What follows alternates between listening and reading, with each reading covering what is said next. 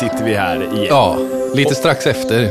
Ja, faktiskt. Vi har precis, eh, jag kollade på eh, Kosmos-avsnittet igår kväll, så att eh, förhoppningsvis så är det väl färskt i huvudet. Ja, det är samma. Jag kollade på det ja, igår förmiddag någon gång. Jag har legat lite sjuk. Jag har varit förkyld och lite febrig, så jag såg, låg och feberkollade på både nya och gamla Kosmos faktiskt. ja, jag kollar på bägge också. Vi kan ju säga vilka vi är för de som har precis upptäckt den här podden. Men det är alltså en eh, spin-off då till Superlife Podcast som är en populär kultursnackpodd kan man väl säga. Ja, lite allt i allo podcast med humor och så. Yes, och eh, vad ska man säga? Eh, eh, trycket på vetenskap, eh, vetenskapliga utläggningar har ju varit så hårt. Så därför har den här specialpodden skapats där vi pratar eh, om den nya tv-serien Kosmos. Ja, vi tar avstamp i eh, Neil deGrasse Tysons nya serie Kosmos som gör en remake på Carl Sagans gamla Kosmos. Och så pratar vi mer om de ämnena som kanske inte riktigt får plats i Superlife huvudprogrammet på samma sätt. För att alla är inte lika intresserade som du och jag är Nej, utav de ämnena. exakt. Så här är det 13 avsnitt med bara vetenskap. Ja, Eh, första var förra veckan, det här är andra och så har vi 11 avsnitt till att se fram emot. jävlar det är mycket alltså. Det är mycket. Men eh, det var gött. Jag måste ändå säga det, jag gillar det. Jag gillar Och eh, vi måste ju först och främst tacka att vi, att vi har fått så bra respons. Det är många som, eh, som gillar det. Ja, att- skitroligt. Eh, vi har inte fått några insändare vad jag vet va?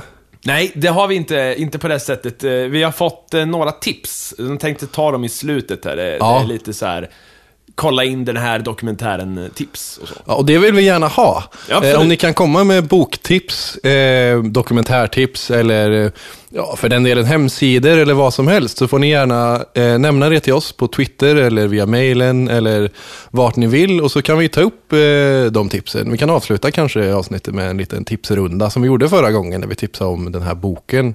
Ja, eh, kort historik om nästan allting. Mycket riktigt. Och eh, faktum är att eh, det är ett par som har skickat in en specifik insänd, eh, ett tips här, en artikel. Mm. Okej. Som vi måste ta upp. Den har egentligen ingenting med serien eh, eller Kosmos att göra så. Nej. Men det är alltså, det här är så stor nyhet i vetenskapsvärlden så att Okej. det, vi måste ta det. Okej. Och det är det här med bakgrundsstrålningen. Ja, berätta. Har du koll på det? Jag känner till vad det är, ja. Eh, Ja. Det är ju den permanenta bakgrundsstrålningen som finns i universum. Yes, det, det är eh, spåren efter Big Bang kan man Ja, säga. precis. Eh, Det första ljuset som, Mm. eh, som skapades. Eller eh, till en början så var ju eh, universum svart. Eh, Det kunde inte komma fram något ljus för det var så tjockt, kan Ja. man säga. Så det första ljuset som kunde färdas ifrån eh, oss, Mm. eller inte oss, till oss, ifrån Big Bang-tiden.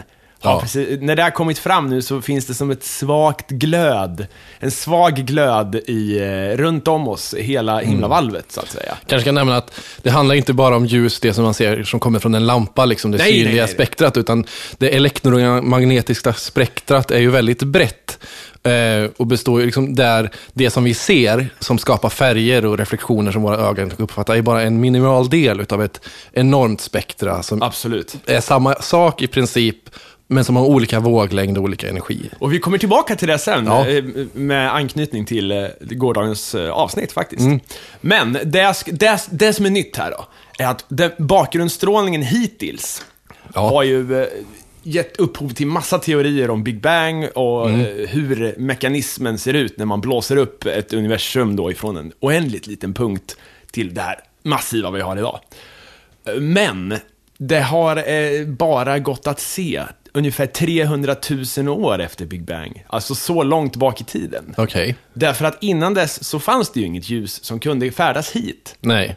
Men nu har man hittat tecken på någonting annat i den här strålningen. Okej. Det kom igår faktiskt, den här eh, artikeln. Eh, och det är gravitationsvågor. Fan. Gravitationsvågor eh, kan man, har man hittills inte upptäckt, även fast man har byggt stora sådana här detection labs. Som är i princip, eh, ja det är flera, eh, jag, jag vet inte om det är mil eller kilometer, men det är långa jävla sensorer. Som kan alltså uppfatta rörelser, alltså skeva, vad ska man säga, krusningar i rumtiden. Ja. orsakad av gravitationsvågor som är så stora som en protons rörelse fram och tillbaka. Ja, det är fräckt.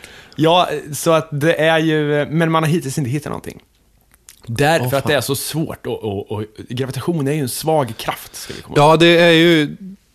Gravitationen tillhör väl, det är de fem, five, Fyra, eh, fyra krafter krafterna. det, ja. Det är den eh, starka... Nej, jag kommer inte Starka ihåg. svaga kärnkraften, Ja, starka, svaga- elektromagnetismen och, Och gravitationen. Och gravitationen, om, eh, Det är väl den svagaste utav de fyra. Ja, men det, det, säger, det är bara att prova att lyfta en vikt på gymmet. Lyft en kilo. Eh, hela jorden drar ju i den. Ja. Men du med dina muskler lyckas ju dra upp den. ja. Så att eh, bara att jag dricker en kopp kaffe här är ju tecken på att gravitationen... Om det här kaffekoppen var fastlimmad i golvet med en elektromagnet, Ja. då skulle jag få problem. Ja. Men hur som helst, det där är ju det där är ett sidospår. Eh, För då har man upptäckt i, i det här eh, bakgrundsstrålningen, Okej. i ljuset så har man upptäckt att det polariserats. Du vet, polariserat ljus är ju en egenskap i ljuspartikeln. Det, är- det, är väl det, det är väl det man använder till exempel i 3D-bio, är det inte det? Jag tror att om ljusvågorna går på höjdled så här, på ena bilden, Ja. och sen i sidled på andra, och sen Ja. filtrerar man bort det med de här två glasen. Så den ena släpper igen den ena polariseringen och den andra... Ja, jag tror, jag tror inte att... ehm, jag tror inte riktigt man kan göra den jämförelsen så klockrent, men det kanske funkar som ett illustrerande exempel snarare.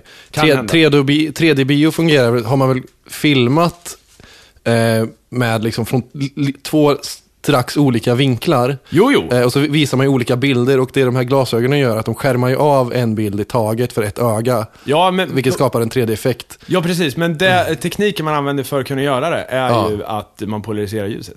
Det, Det- det är så, ja. Ja, för om du tar två 3D-glasögon Ja. och vrider och sen sätter du eh, samma, eller du sätter de här glasen mot varandra. ja.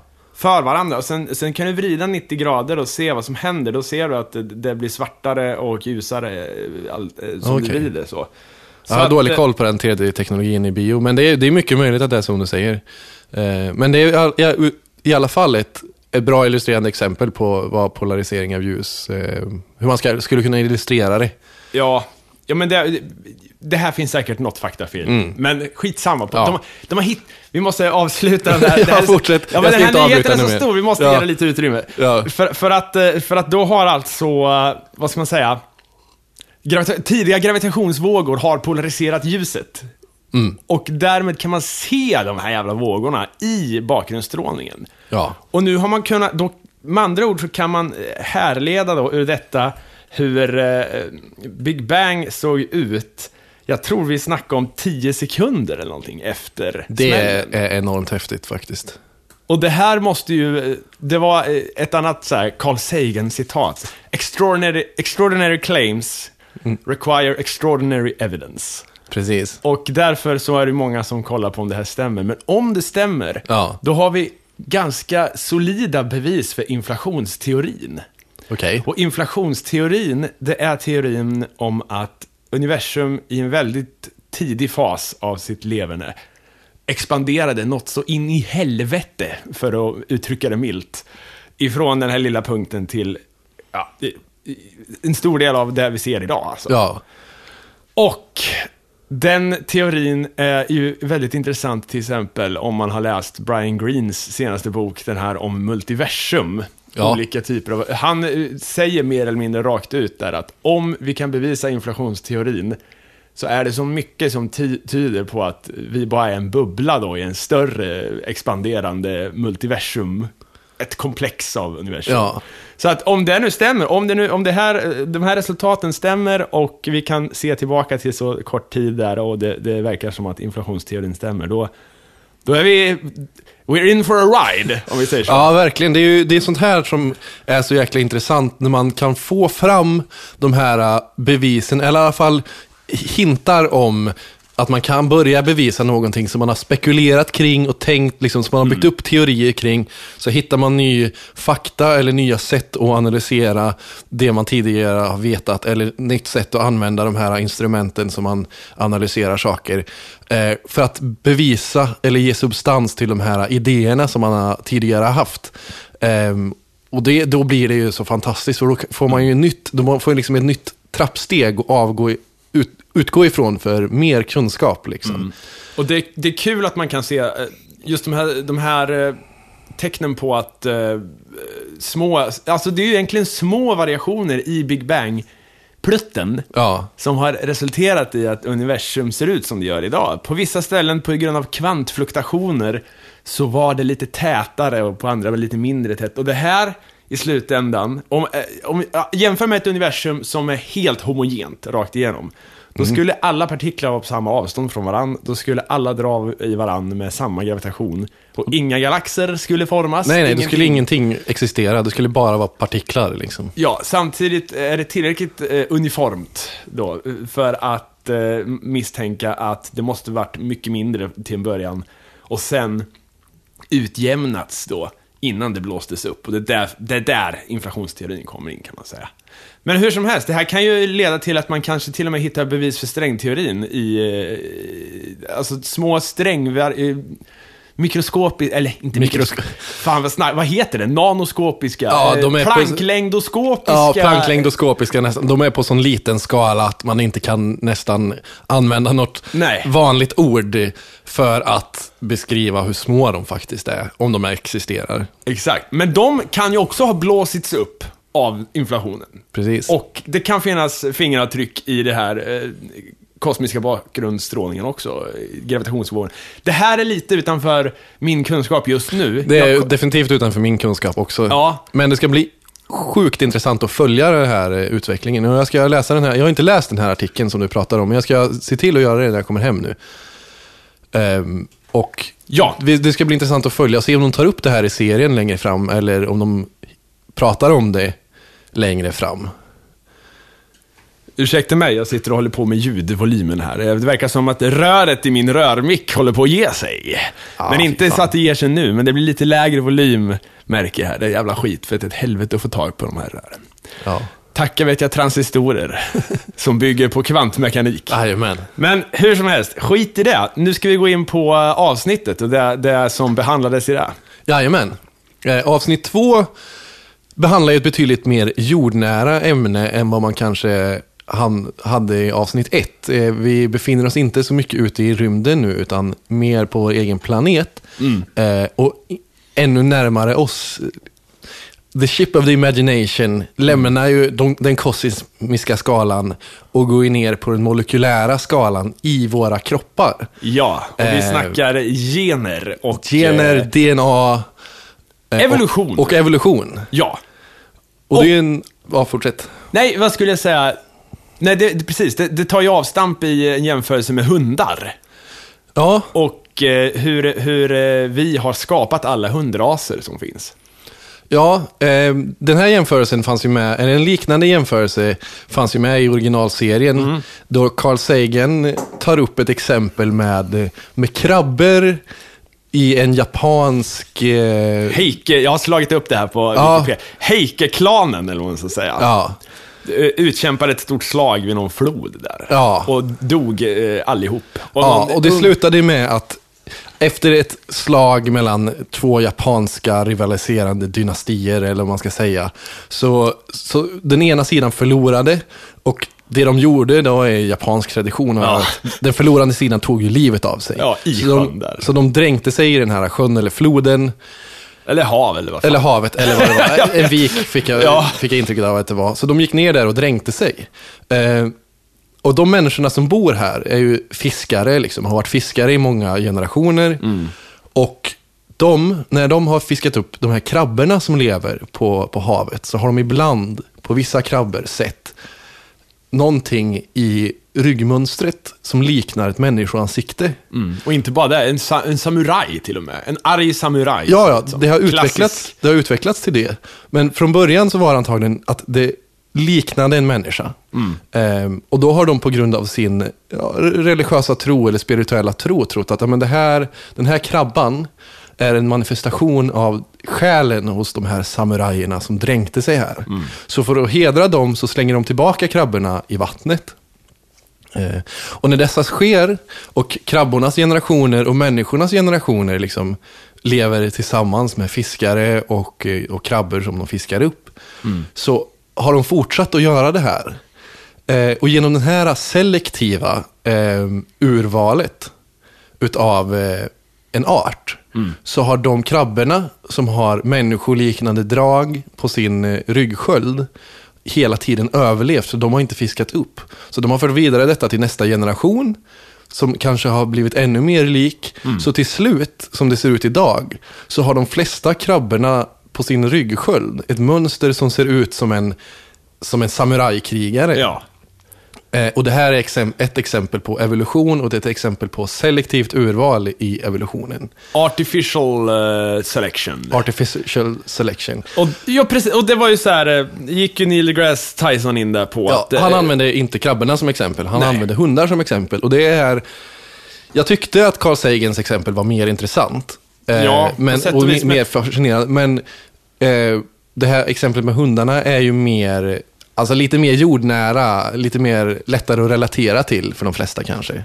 Det är också något som många har hört. Det är en klassisk sån här, eh, vad ska man säga? Vi- alla hundraser kommer från vargar. Det har man ju fått höra i alla år. Ja. Som en så här shocking news när man är barn. Ja, Men visst, det är ju så. Och det intressanta är ju att det är ganska klena, dåliga vargar, kan man nästan säga, som har utvecklats. För som, de, som man var inne på, är det de som hade dåligt med adrenalin eller något sånt där. Eh, Att de var lite, de blev inte lika krigsinriktade när de kom nära människor. ja, Och sökte sig närmare campet och märkte att där fanns det mat i form av benrester och sånt man kunde gnaga på. Ja, de hade inte, de hade inte samma mängd, alltså av genetiska mutationer hade gjort att vissa vargar i olika stammar hade inte samma mängd av det här stresshormonet som gör dem skygga och aggressiva. Vilket kanske också gjorde dem till lite sämre jägare.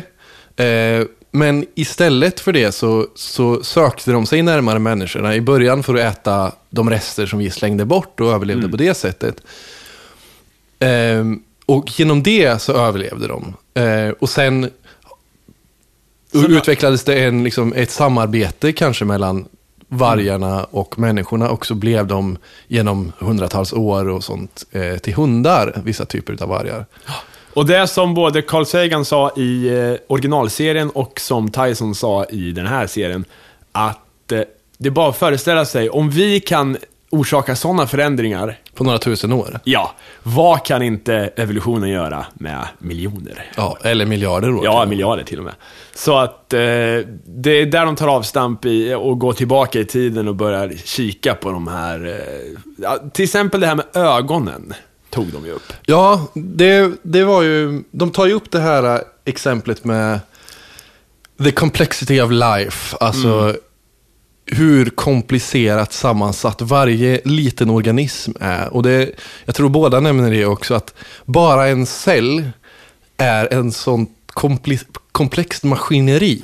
Ja. Att det är liksom svårt att nästan förstå hur det fungerar. Eller så här, det, har krävts enormt mycket vetenskaplig forskning för att liksom förstå hur ens en enskild cell faktiskt eh, kan reproducera sig själv. Liksom. Ja. Och därför så har det varit, det är därför evolutionsteorin har varit så, kon- alltså, så kontroversiell.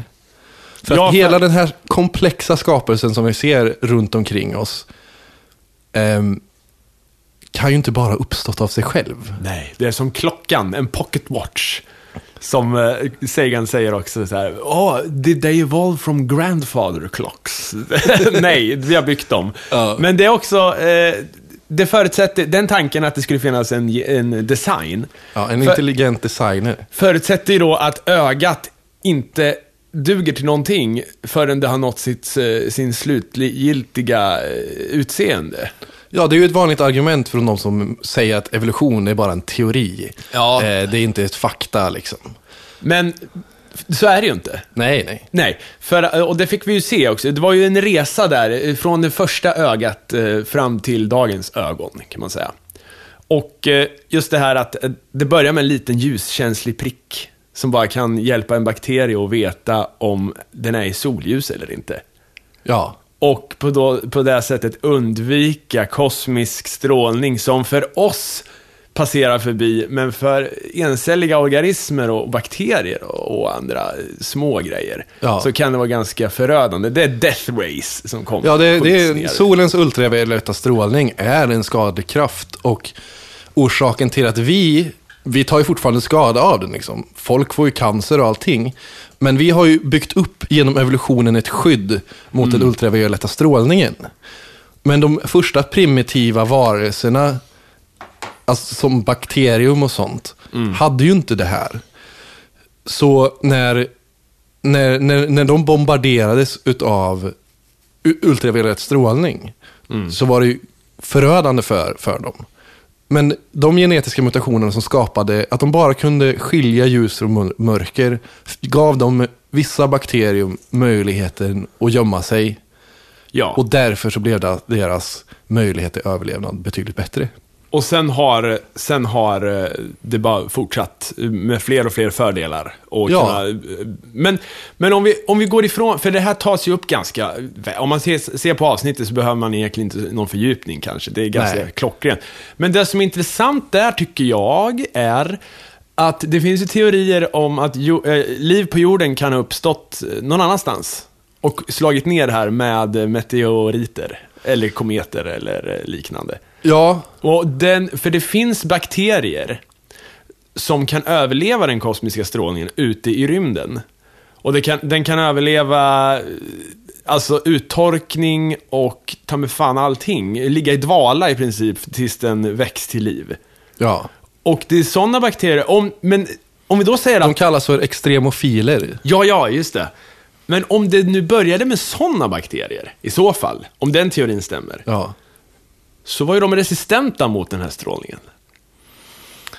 Ja, eh, det, det här är det som är alltså det här är det som är det komplexa. Och det är ju en av vetenskapens största mysterier, en av Oh ja. vetenskapens största frågor.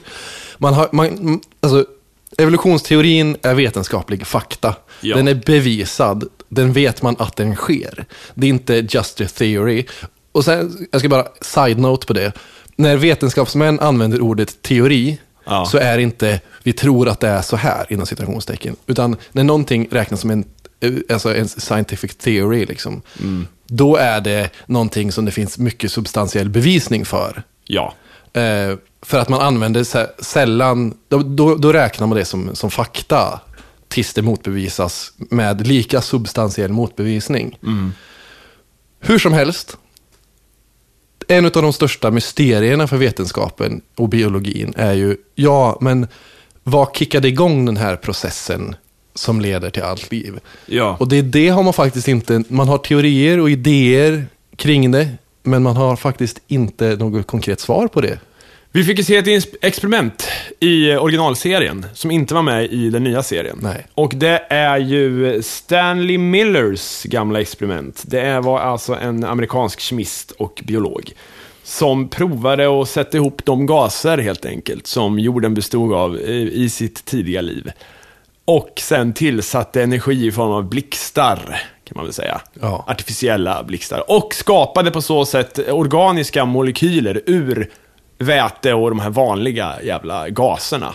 Ja, Och de här organiska molekylerna har ju på något sätt satt ihop sig själva i en legobyggsats utan rit ritning.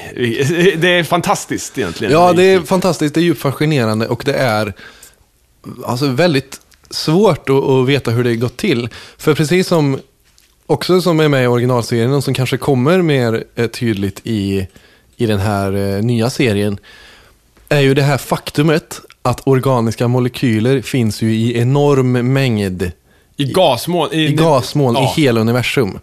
Det bygg, de grundläggande byggstenarna för liv finns precis överallt. Ja. Men på något sätt så har rätt kemiska föreningar under rätt förutsättningar gjort de här till varelser av ytterst primitivt slag som sen har kunnat evolveras. Jag tänkte gå tillbaka till den här Cosmic Calendar faktiskt, som, som introducerades i förra avsnittet. Ja.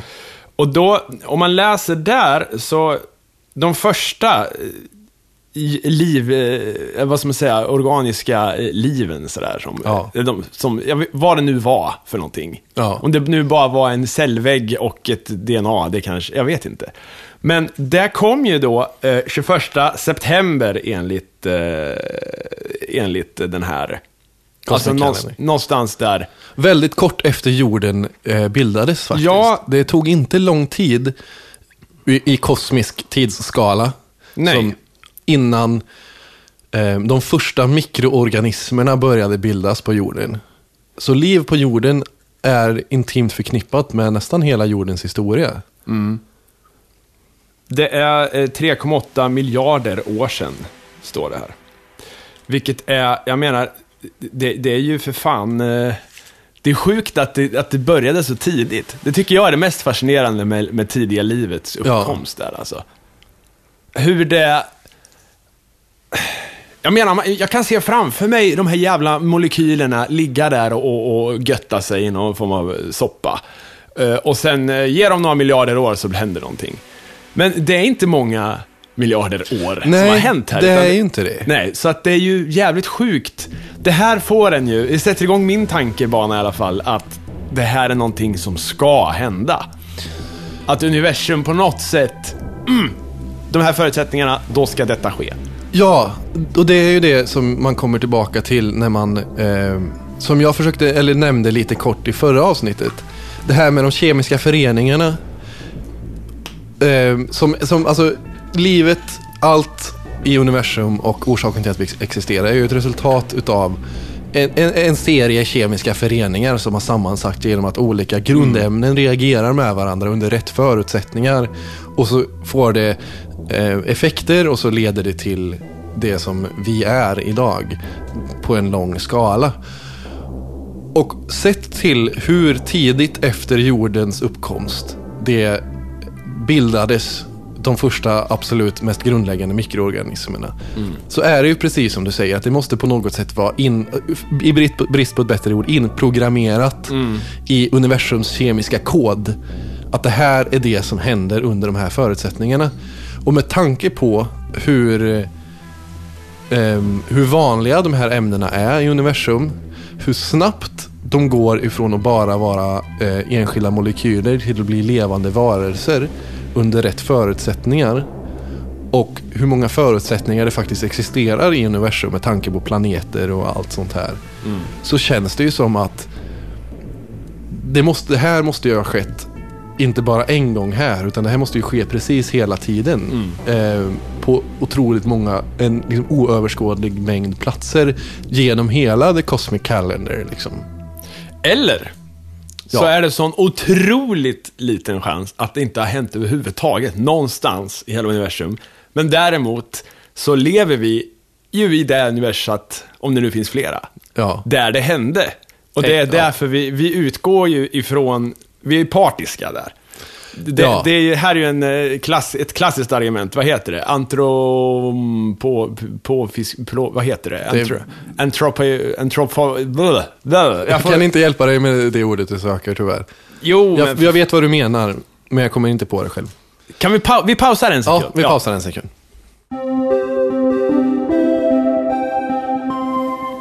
Yes, nu har jag rätt ut det här. Ja. Det var inte antroposofiska, det var inte antropologiska, det var antropiska eh, principen. Upplys oss. Ja, den här kan mycket väl illustreras av en gammal eh, bekant ifrån Kumla faktiskt.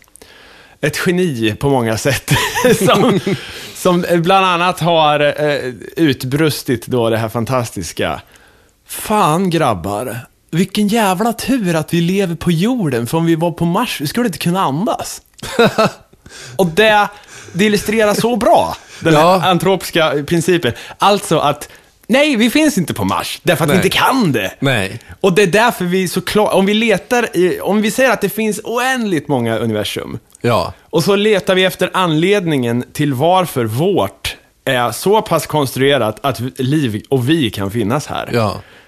Så kanske det är en, det kanske är en så wild goose chase, eh, helt enkelt. Därför att, eh, fan, om, vi, vi kan ju bara observera ett universum där vi existerar. Ja. Så att självklart, självklart eh, tillåter det här universat liv. Ja, Så att det här är ju en gåta som på, på, i allra högsta grad är förknippad med teorin om multiversum, till exempel. ja den här multiversa teorin var vi inne på lite i förra avsnittet, för att de var ju lite inne på det i förra avsnittet av Kosmos. Och jag säger igen, precis som jag sa då, jag hoppas att de tar med det här. Det måste För att jag skulle vilja ha en diskussion i en podd där vi verkligen kan gå in på djupet med de här teorierna. Men den grundläggande... Ja, men vi kan prata om det. Vi, vi pratar ju om det nu. Ja, vi pratar om det nu. Eh, men eh, men det, det är ju förhoppningsvis ett avsnitt längre fram där de, de går in på det mer i avsnittet. Det här handlar mer om livets uppkomst. Men en grundläggande eh, poäng med livets uppkomst i förhållande till multiversa-teorin är ju att finns det en oändlig mängd universum så finns det en oändlig mängd förutsättningar. Och att livet existerar överhuvudtaget är ju bara för att det är en oändlig komplex mängd förutsättningar på en, i, i en möjligt universum fanns de här, just de här förutsättningarna. Men det är också, det, det är kul för att eh, tittar man här på, jag fortsätter kolla lite på Cosmic Calendar här. Ja, Förutsättningarna för liv, som vi känner till det, ja, är ju till exempel vatten. ja. Syre kan man ju tänka sig, det måste ju behövas. Men faktum är att 2,4 miljarder år sedan Ja. så inträffade något som heter The Great Oxygenation Event. Den stora, sy stora syreattacken. Och vad som hände då, det var att syre då som producerades av eh, de första bakterierna, eller vad man ska säga, för det fanns inte innan i Nej. atmosfären. Det kunde inte tas upp mer av omgivningen och därför började det spridas ut i atmosfären eh, istället för att tas upp i, ja vad fan det nu var, någon jävla gegga. ja. Och vad som hände då var ju en, en extrem massdöd, för det här är giftigt. Syre ja. Ja. Syre är extremt giftigt. Kolla bara på, alltså vad händer? Det är otroligt många ämnen som bryts ner utav eh, syre. Och det finns ju även vetenskapliga teorier som Alltså, nu ska jag inte så go too far of my knowledge här, men det är, jag kan bara nämna det som ett stickspår. Det finns ju vetenskapliga teorier som tror att orsaken till att organismer dör är på grund av syre. Ja. Att vi bryts ner utav syre. Och det tar man, kolla på metall, för fan.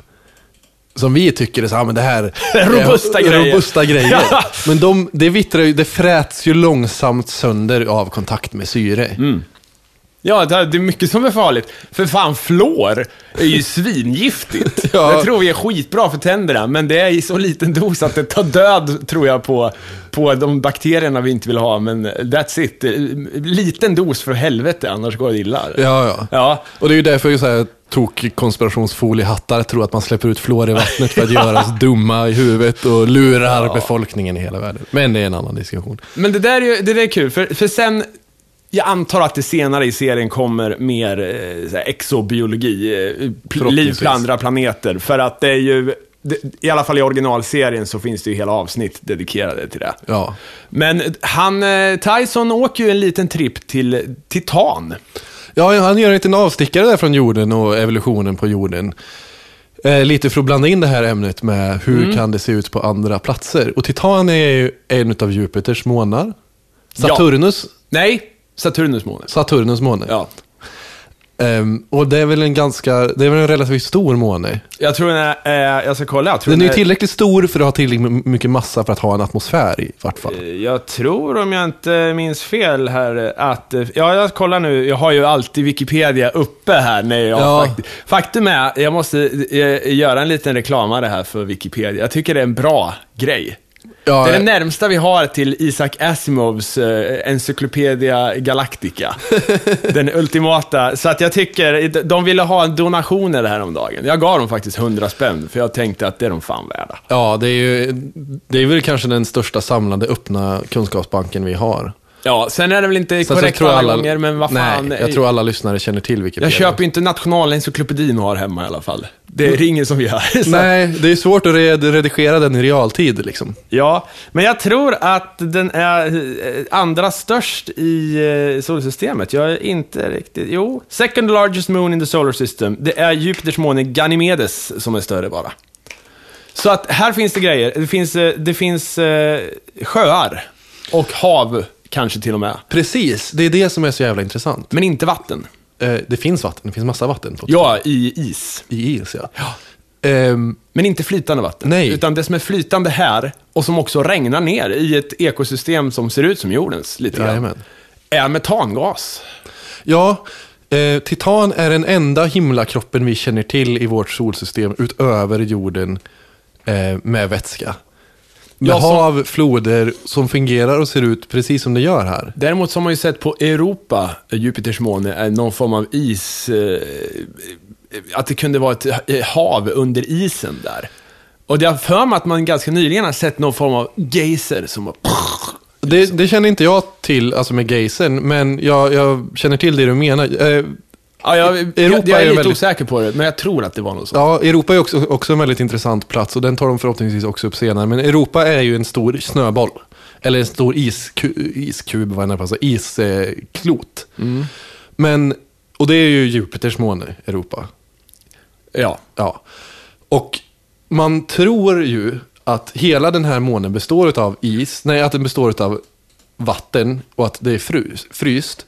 Men den ligger så nära Jupiter och Jupiters eh, gravitation är så pass stark att eh, den kinetiska, rätta mig om jag har fel för någon gärna göra på tw- Twitter sen, men Nej, den, du har rätt. den kinetiska energin i Europa liksom rör och skapar en inre friktion som i vart fall i teorin skulle möjliggöra att i kärnan är det så pass varmt på grund av den här ständiga friktionen som skapas av Jupiters gravitation som sliter i Den är den här geologisk aktiv. Ja, geologiskt aktiv.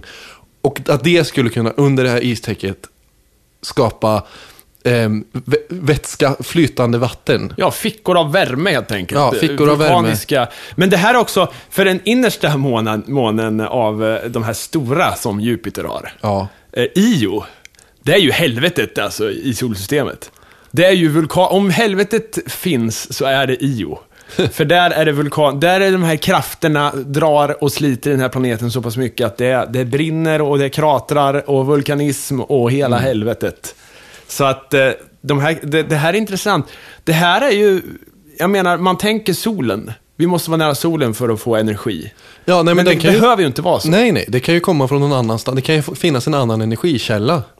Eh, och det är väldigt intressant att det finns kanske längre bort från solen. Solen har en mindre betydelse och det finns andra krafter, som till exempel gravitationen som skapar Mm. andra förutsättningar för kanske en helt annan typ av liv. Det som... Ja, Ja, för det är ju, eh, det är ju väldigt svårt att, att, att spekulera i hur det här skulle se ut, det här livet egentligen. Om det nu bygger på andra, helt andra eh, principer och molekyler än vårt. ja. Ja, vad, det- vad är det som säger att det bara måste vara kolföreningar som skapar liv, till exempel? Nej, precis. Men å andra sidan, om, om vi skulle hitta liv någon annanstans, och jag menar inte i solsystemet, jag menar typ utanför kanske, en vacker dag, Ja. många miljoner år eller tusen år eh, ifrån oss. Som, om det skulle ha DNA, Ja. som oss, då blir jag religiös. Då, direkt. För det vore så jävla konstigt, ärligt talat. Ja, Om det skulle vara kompatibelt med vårt på något sätt. Ja, det, jag tror inte att jag skulle bli religiös. Eh, Nej, men- men jag skulle bli otroligt vördnadsfull Jag skulle börja undra i alla fall. in, inför universums eh, komplexitet. Men du vet väl att E.T. hade DNA? Eh, Hade han det? Ja, de kom ju fram till det i E.T.-filmen att He's got DNA! Oh my god! Och så blir Ja. det en så stor grej utav det. Men det där är ju... eh, Det finns ju en klassisk sån här... argument emot eh, att utomjordingar rövar bort amerikaner och, och ge, liksom... Ja, de... de eh, Det finns många alltså de, de, de får ungar som är hälften utomjordingar. Ja, Eh, Det här är ju så osannolikt. Det, det är mera eh, sannolikt att du skulle kunna få barn med en blomma här på jorden. Troligtvis. För vi delar åtminstone vissa delar av DNA. Vi delar sam... Vi, vi har en gemensam common ancestor. Vi Mm. delar samma grundläggande struktur med precis allt på... Ja, Jag får en på- påminnelse som ringer. Jag ska bara stänga av. Ja, vi delar ju samma grundläggande liksom, eh, ritning med precis allt liv på jorden. Det är ju det här trädet som de visar upp Ja, som finns i Londons botaniska trädgård, tror jag. Det här stora trädet som de använder som exempel i båda serierna. Och det är liksom the tree of life. Och där är stammen, liksom roten på stammen är den gemensamma eh, förfadern till allt. och det är sådana Vi- grundläggande saker som att eh, an, eh, omvända socker till energi och sådana Ja. så, bakteriella egenskaper som våra celler använder fortfarande, de gamla ritningarna till. I Ja. princip. Det har inte förändrats, för det, det är redan klart. Ja.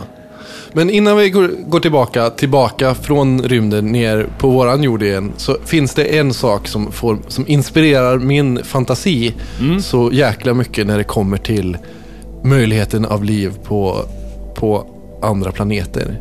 Och det är därför jag tycker den här det är därför jag blir, är så entusiastisk inför sökandet efter liv på Mars till exempel. Ja, För att Mars hade ju i historien flytande vätska. Ehm, det var ju hav liksom. Idag på Mars så har det här, på grund av Mars eh, svaga gravitation och så vidare och så tunna atmosfär så har det mesta utav den här vätskan försvunnit ut i universum. ja Och- eller frusit. Ja, eller frusit i polerna. Men under en väldigt, väldigt lång tid hade Mars liknande förutsättningar för liv som vi tror att vi har. Liksom, om det är det som är, liksom, det som är förutsättningen för liv på jorden existerade i något omfång även på Mars. Och man har inte hittat några bevis än för att det finns liksom rester av liv och det är enormt svårt att göra det. Men om någon framtida sond eller forskningsteam eller vad som helst hittar något bevis för att här har existerat liv som är tillräckligt starkt för att inte kunna förklara det på något annat sätt. Då har vi bevis för att i samma solsystem inom en liknande tidsrymd har liv uppstått. Eh, det har bara överlevt på en plats men det har uppstått på två skilda platser Ja. samtidigt eller inom liksom Alltså inom universum, alltså universums skala på tid ungefär samtidigt. Och då är jag övertygad om att så länge vi har ett exempel på liv så säger det inte så mycket. Får vi två i samma solsystem, då måste det finnas nästan överallt. Ja. Sen är, kan det ju vara, om det, om det visar sig att det kan vara samma liv också. Ja, Det vill säga att det uppstått till exempel på Mars och sen har det slagit ner en jättesmäll med meteor där. Och eh, puttat iväg en liten sten som har flygit ner på, på jorden då. Och sen har det tagit start där. Det finns teorier som säger det också. ja, Men det som är ganska nytt i den tanken, det är att det skulle kunna kasta, en liknande smäll här på jorden kan ju ha kastat upp någonting som fångats upp av månen. ja, Så att till exempel då eh, den här, eh, den här nedslaget som utrotade dinosaurierna. Ja. Att det skulle kunna kastat upp fossil då på månen. Som om vi hittar dem så är det ju, de har ju inte eroderats eller någonting av, av eh, naturkrafterna. Så att det, man har börjar fundera lite på om kanske månen innehåller lite information om vår, vår dåtid. Ja, det är, ju, det är ju inte helt omöjligt. och- Men som sagt, det är ju väldigt lite som är helt omöjligt när det kommer till vetenskap. Det är bara Ja. olika stor sannolikhet. Va, det var något jag skulle säga om det där. Eh, jo, biologi, jag jag för mig att eh, Carl Sagan sa det här i originalserien. Att det har mer att göra med eh, historia än fysik. Ja, För du kan inte räkna ut hur livet ska te sig, Nej. i princip. Och hur, att, att se hur, hur det utvecklats ifrån de här bakterierna, det handlar om att, söka vägen dit, bakåt i historien. ja, För, för det går inte att räkna ut på samma sätt som vi räknar ut hur Big Bang måste sett ut. Det är egentligen en ganska enkel... Man, man, man bara tar universum idag Ja. och sen räknar man bakåt med de formler vi har Ja. tills vi är på en liten punkt bara. Och sen går det åt helvete, för då har vi inte klart eh, alla formler och de funkar inte riktigt på det så liten skala. Men där kan man ju räkna på ett annat sätt. Du kan inte ta människan och de arter som finns idag och sen bara räkna bakåt. Eh, så här måste det se ut. Utan eh, det här är ju, du måste hitta bevis, du måste hitta fossil och du måste, du måste ta med så mycket i beräkningen. Att det är mer historia än fysik. Ja, det är ju en annan approach på vetenskapen. Den här ehm, vetenskap om rymd och, och, och allting där. Det är ju väldigt mycket, som, precis som du säger, det är svårt att göra en ekvation för, för hur biologin fungerar. Man måste ju ha, bevisen måste ju vara mer konkret än teoretisk hela tiden. Ja. Det är ju det är väldigt svårt att säga någonting. Man kan utifrån en, utifrån en mängd bevisning så kan man komma med teorier som sen kanske visar sig stämma eller visar sig inte stämma. Men, men det som är grunden för biologin är ju hela tiden det här äh, nästan det rent fysiska bortom eh, ekvationernas värld. Ja. Eh, och det, det gör det att det blir, en, det blir en annan typ av vetenskap, det blir en annan typ av förhållningssätt till det. Men det bygger fortfarande på samma princip. Ja.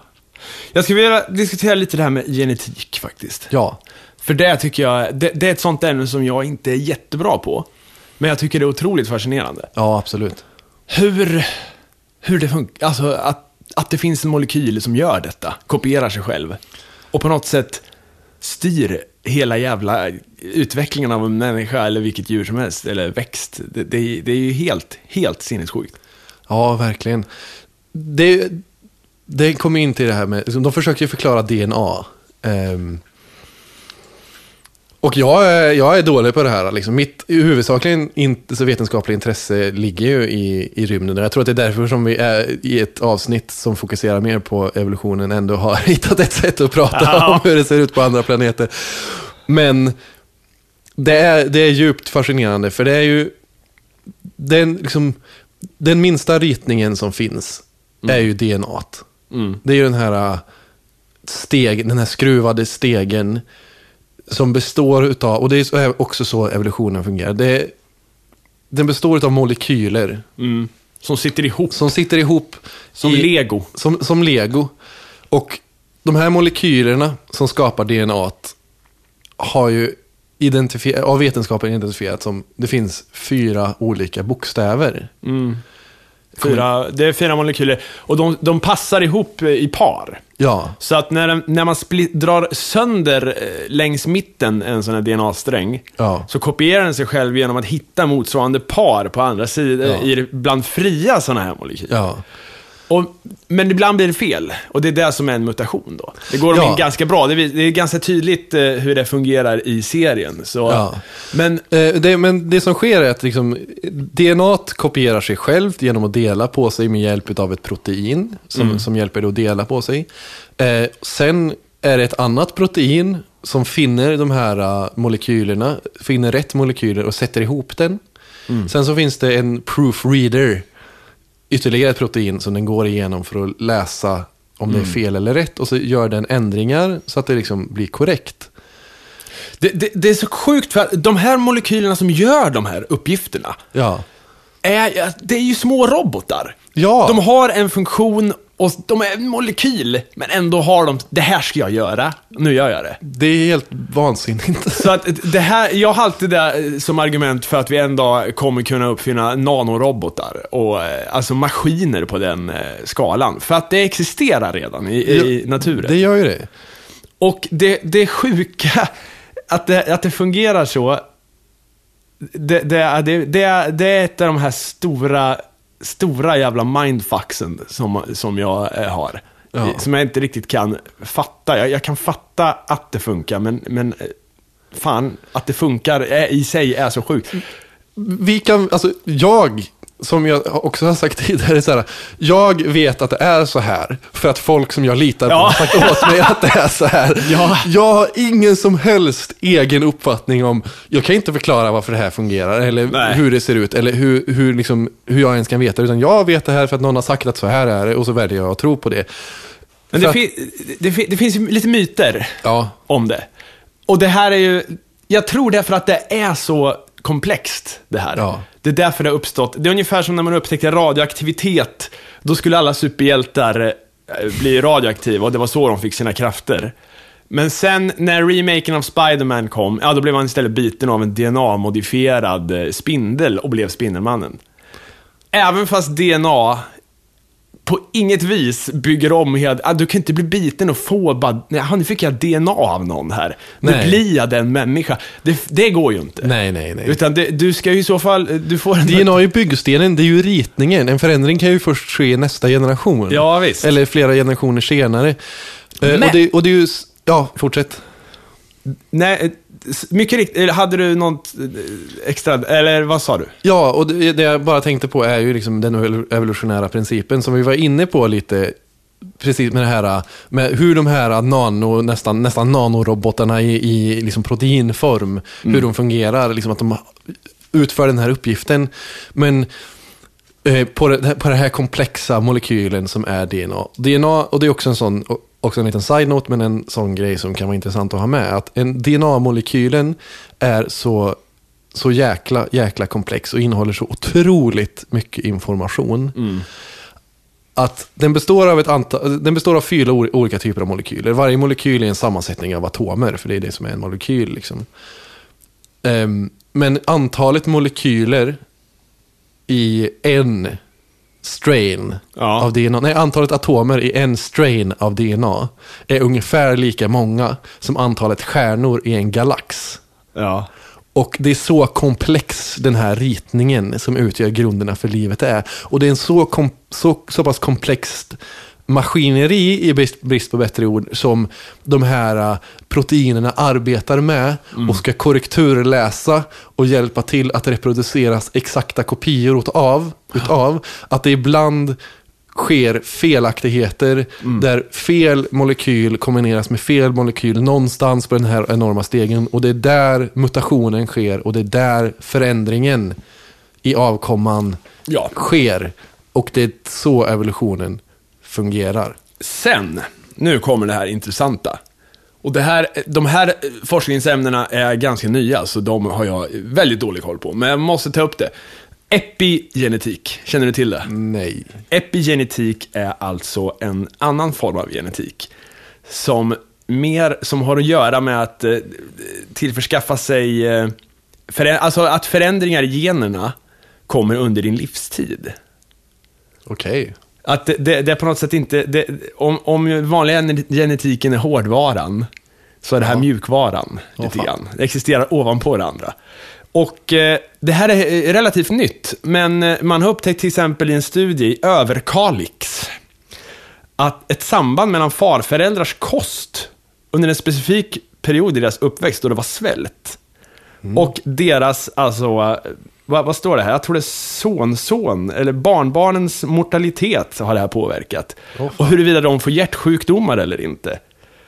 Och, och det, det, finns, det kommer mer och mer sådana här bevis för att vissa faktorer kan på något sätt komma under din livstid, skrivas in i DNA och sen föras vidare. Och det här skulle kunna förklara massa grejer. Det, det, till exempel kanske instinkter och, och sådana här lite luddiga begrepp. Eh, Hur kan det här ha spridits och hur kan den här egenskapen ha, ha kommit till och, och så vidare. Ja, det- Vä- väldigt, eh, vä- ganska nytt område faktiskt. Ja, jag vill gärna ha mer information om det. Alltså det skulle vara väldigt, väldigt intressant. Men det motsäger ju liksom det här som man har lärt sig i ganska stor utsträckning tidigare. Du och jag hade, innan vi spelade in det här podden, under planeringsfasen hade vi en liten diskussion du, dig, mig och eh, din flickvän om eh, visdomständer. Ja, och det ja. fick mig att börja tänka lite. Ehm, Det gick ut på att eh, hon var hos tandläkaren och, in, och fick reda på att hon inte hade anlag för Visdomständer. Och på så sätt kallar hon sig för den nya arten, den nya supermänniska. lite säkert, lite nazivarning här. Men, nej, nej, men då, Nej. Då, då, det, det som våra tankar då efter, vi diskuterade inte det här så djupt, men det som våra tankar, det som jag tänkte på mycket efteråt också, var det här, visdomständer, försvinner de, alltså, varför har vissa visdomständer, varför har de inte? Och försvinner de för att de är onödiga? Och Och varför i så fall? Och Det påverkar inte vår överlevnad nej, eller det, avkomma. Nej, det är ju det som är, det är, det är ju det som är liksom the process of natural selection och allt det här handlar om att en egenskap tas ju inte ur den evolutionära liksom, eh, processen om den inte aktivt hindrar en arts eh, framsteg. Jag menar, idag får ju handikappade barn som skulle ha dött i naturen. Ja, Eh, idag får... Att jag ens går omkring här med min dåliga syn är ju eh, så här, jag kommer ju sprida den här, de här skitögonen vidare. Ja, Kanske om jag får barn. Ja. Men i naturen, jag ser inte, jag kan inte se ditt ansikte tydligt på det här avståndet utan linser. Men det, det är ju en aktiv nackdel för dig. Men det sprids vidare, för jag förhindras ju inte på något sätt Nej. i dagens samhälle av den här missen i Nej. min konstruktion. Och det finns ju ingen som liksom har ett aktivt förhinder att liksom sprida sitt ge- genetik, genetiska kod vidare för att den har visdomständer. Och varför skulle då visdomständerna försvinna? Jag har för mig att jag har sett en dokumentär om eh, med Richard Dawkins. Eh, som är väldigt, säger man vad man vill om honom i andra ämnen, men som är väldigt kunnig inom evolution. Ja. Ehm, där han förklarar någonting med det här. Och det var, jag har för dåliga minnen av det nu för att egentligen kunna ge något bra referat. Men det handlade om någon fågelarts vingar som hade liksom var underutvecklade för att de inte behövde dem. Och att evolutionen på något sätt konserverar energi och därför gör sig av med onyttiga saker. Och det är ju lite inne på det här som du säger. Liksom. Men jag får i så fall uppdatera min kunskap. Ja, vi i- har i det börjat här. få slut på tid här också. Eh, Tiden går fort när vi pratar. hur, hur långt har vi kvar? Ja, fyra minuter. Ja, Jag skulle vilja ta upp en, en sak till också som man kan läsa på om man vill eh, fördjupa sig lite. Det, det, det finns även ny forskning som visar eh, alltså att virus skulle kunna varit med i evolutionen mycket mer än vad man trott. Att det på något sätt integrerat sig i våra gener som skräp-DNA som ibland kan komma att väckas till liv. Och det, det är mycket det epigenetik handlar om också. Okej. Att, att eh, inaktiva delar Ja. av ditt DNA kan sättas igång. Okej. Och, och det är mycket sånt där. Alltså det, alldeles för stort för att jag ska fatta det mesta, så här, läsa på igår. Ja. Men den som vill kan ju kolla upp de här grejerna. Alltså. Jag har en avslutande poäng i så fall om vi börjar närma oss slutet innan vi går in. För du hade lite tips som vi ska kan runda av med. Ja, eller vi kan ta dem ett annat avsnitt. Okej. Det, det är ju eh, andra tv-serier, det, det, så det kommer Okej. vara relevant nästa Okej, men jag har avslut, en liten avslutande poäng vad gäller evolutionen. Och det är det som jag tyck, tyckte, det var, eh, Neil deGrasse Tyson sa bara det i en mening, men det var på det här exemplet med hundar. Ja. Att han sa the survival of the cuddliest, alltså Ja. överlevnad av de, de sötaste. Och det är en av de största, speciellt i svenska språket, missförstånden vad gäller Darwins teori. Ja. I Sverige så säger vi eh, alltså survival of the fittest, som är liksom det man säger på engelska, Mm. Översätter vi till den starkes överlevnad. Och det är så viktigt att förstå med evolutionen, att det är inte så det fungerar. Nej, det är inte den, betyder ju- det- det kan vara- Ja, men vänta, det är inte den starke som överlever, det är den bäst lämpade som Mm. överlever. Den som är bäst, har bäst förutsättningar utifrån sin miljö kan för, föra sina Mm. eh, gener vidare. Och det behöver inte, liksom, och därför blir liksom det här socialdarwinistiska tänket, att liksom den starke har, makt, liksom, har någon sorts grundläggande naturell makt över den svage. Det stämmer inte, för det är den som kan göra det bästa av det de har under de förutsättningar som existerar, som är evolutionens drivkraft. Ja. Det kan vara bättre att samarbeta än att vara själv, det kan vara bättre att vara liten än att vara stor, det kan vara bättre att vara svag än att vara stark, det kan vara bättre att vara rädd än att vara modig. Och det vilja- är väldigt viktig poäng i eh, the process of natural selection. Ta till exempel människan. Ja, Bara väldigt kort. Bra exempel, för eh, vi var ju så jävla dåliga på att slåss. Fruktansvärt. Så vi var tvungna att hitta, kasta grejer. Ja, vi var hopplösa. och det, och det, det gjorde att vi började använda verktyg och skit. ja, ja, jämfört med nästan alla andra djur i naturen, alla andra däggdjur, så är vi bräckliga liksom. Ja, vi är skitdåliga på det. Våra barn. Sämsta barnet. Ja, de föds. Man ligger och skriker för fan, är hjälplösa i flera år. Vad är det för skit? Ja, människobarn föds ju, alltså de föds ju inte ens färdigutvecklade. Nej, och det där är en helt annan diskussion. Eller det, är en- det är en, man kan diskutera det här jävligt länge. Ja. Men, man, men det tror man ju är för att barn, eh, alltså för att eh, skaffa tätare band mellan gruppen. Vi måste ta, tillsammans jobba för att ta hand om det här barnet och därför blir människan bättre på att samarbeta och så, så Ja. spreds det här beteendet och så. Sam samarbete, empati och allt det här äh, kan ha Mm. mycket mer, vara mycket mer en fit position liksom. Än styrka och individualism och allt sånt här. Eh, evolutionen ger en variant av överlevnadsstrategier och det är inte alls bara den starke som överlever. Jag tycker vi avslutar med eh, en, bara ta upp att eh, de faktiskt avslutar avsnittet med eh, en direkt animation ifrån originalserien. Ja, Och det är härifrån den första cellväggen till människan. Ja. Den obrutna ledet av eh, organismer som lett till människan.